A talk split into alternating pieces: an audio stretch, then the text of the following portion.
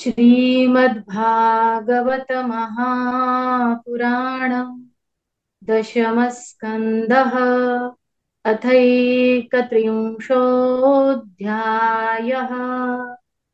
गोप्य ऊचुः।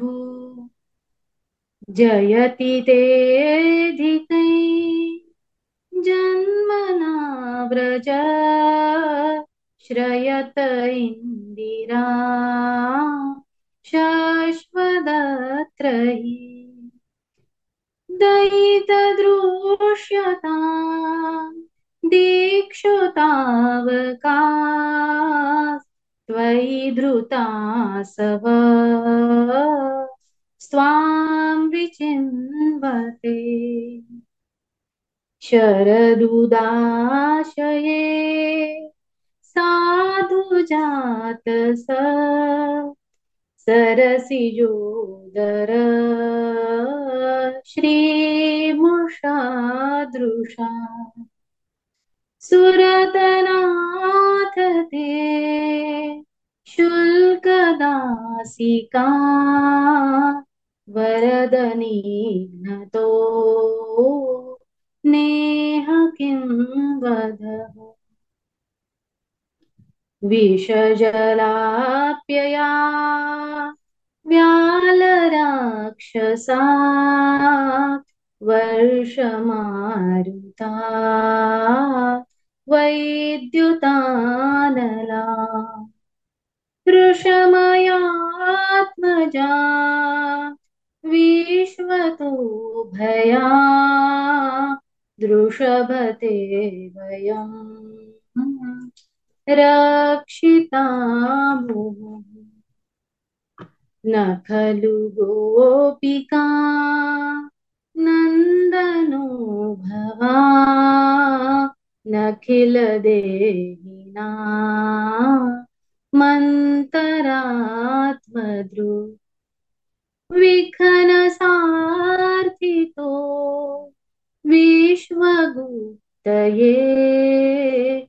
सखौदेवान् सात्वताङ्कुले विरचिता भयम् दृष्णिधूयते चरणमीयुषा संसृतेर्भया।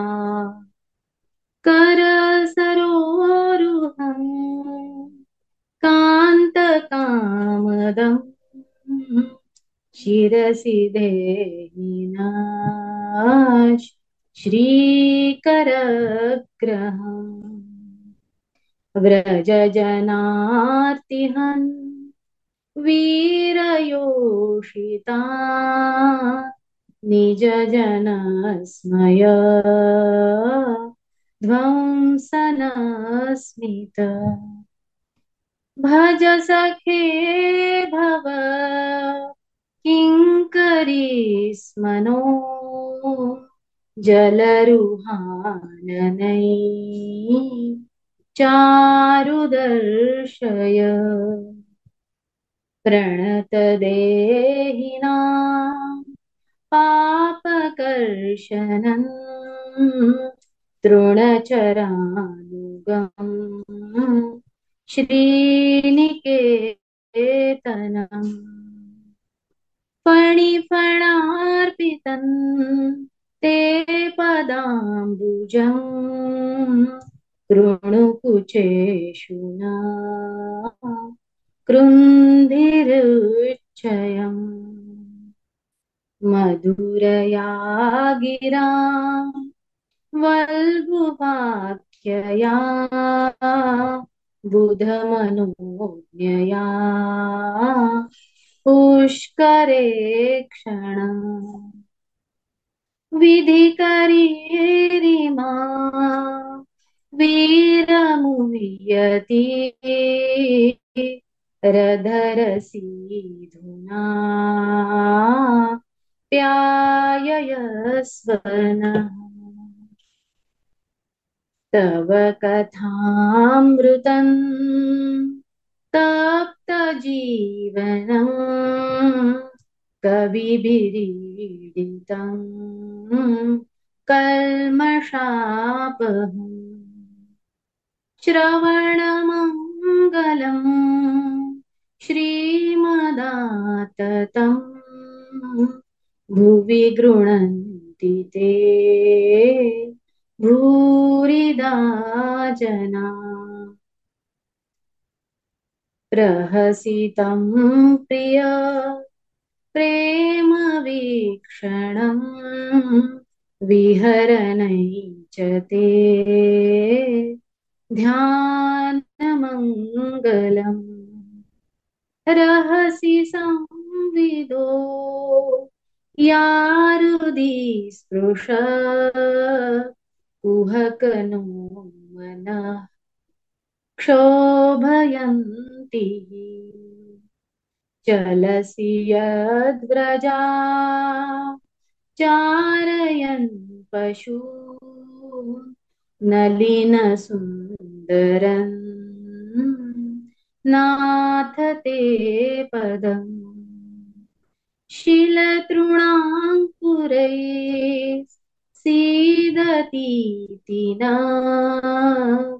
कलिलतामना कान्त गच्छति दिनपरीक्षये नीलकुन्तलैर्वनरुहाननम् बिभ्रदावृतम्। घनरजास्वलन् दर्शयन् मुहुर्मनसि न स्मरम् वीरयच्छसि प्रणतकामदम् पद्मजार्चितन् धरणिमण्डनम् ध्येयमापदि चरणपङ्कजम् शन्तमयि च ते रमणनस्तने श्वर्पयादिहम् सुरतवर्धनम् शोकनाशनम् स्वरितवेणुना शुष्ठुचुम्बितम्। इतररागवी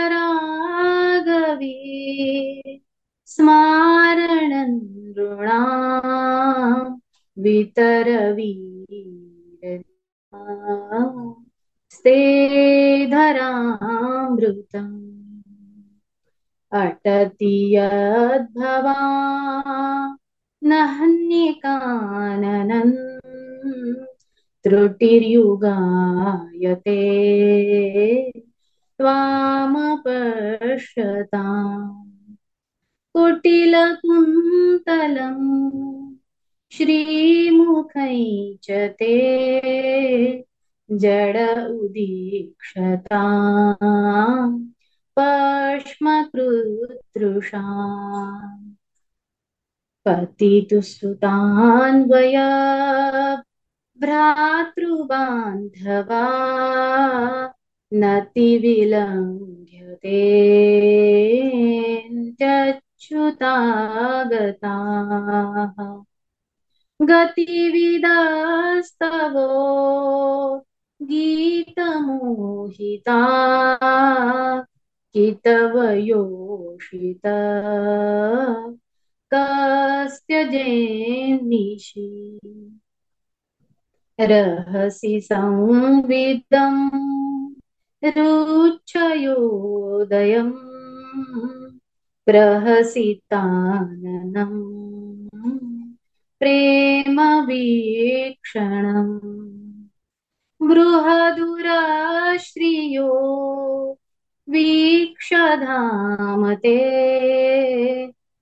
मुहुरति स्पृहा मुह्यते मनः। व्रजवनौकसा व्यक्तिरङ्गते वृजिनहन्त्यलम्। विश्वमङ्गलम्।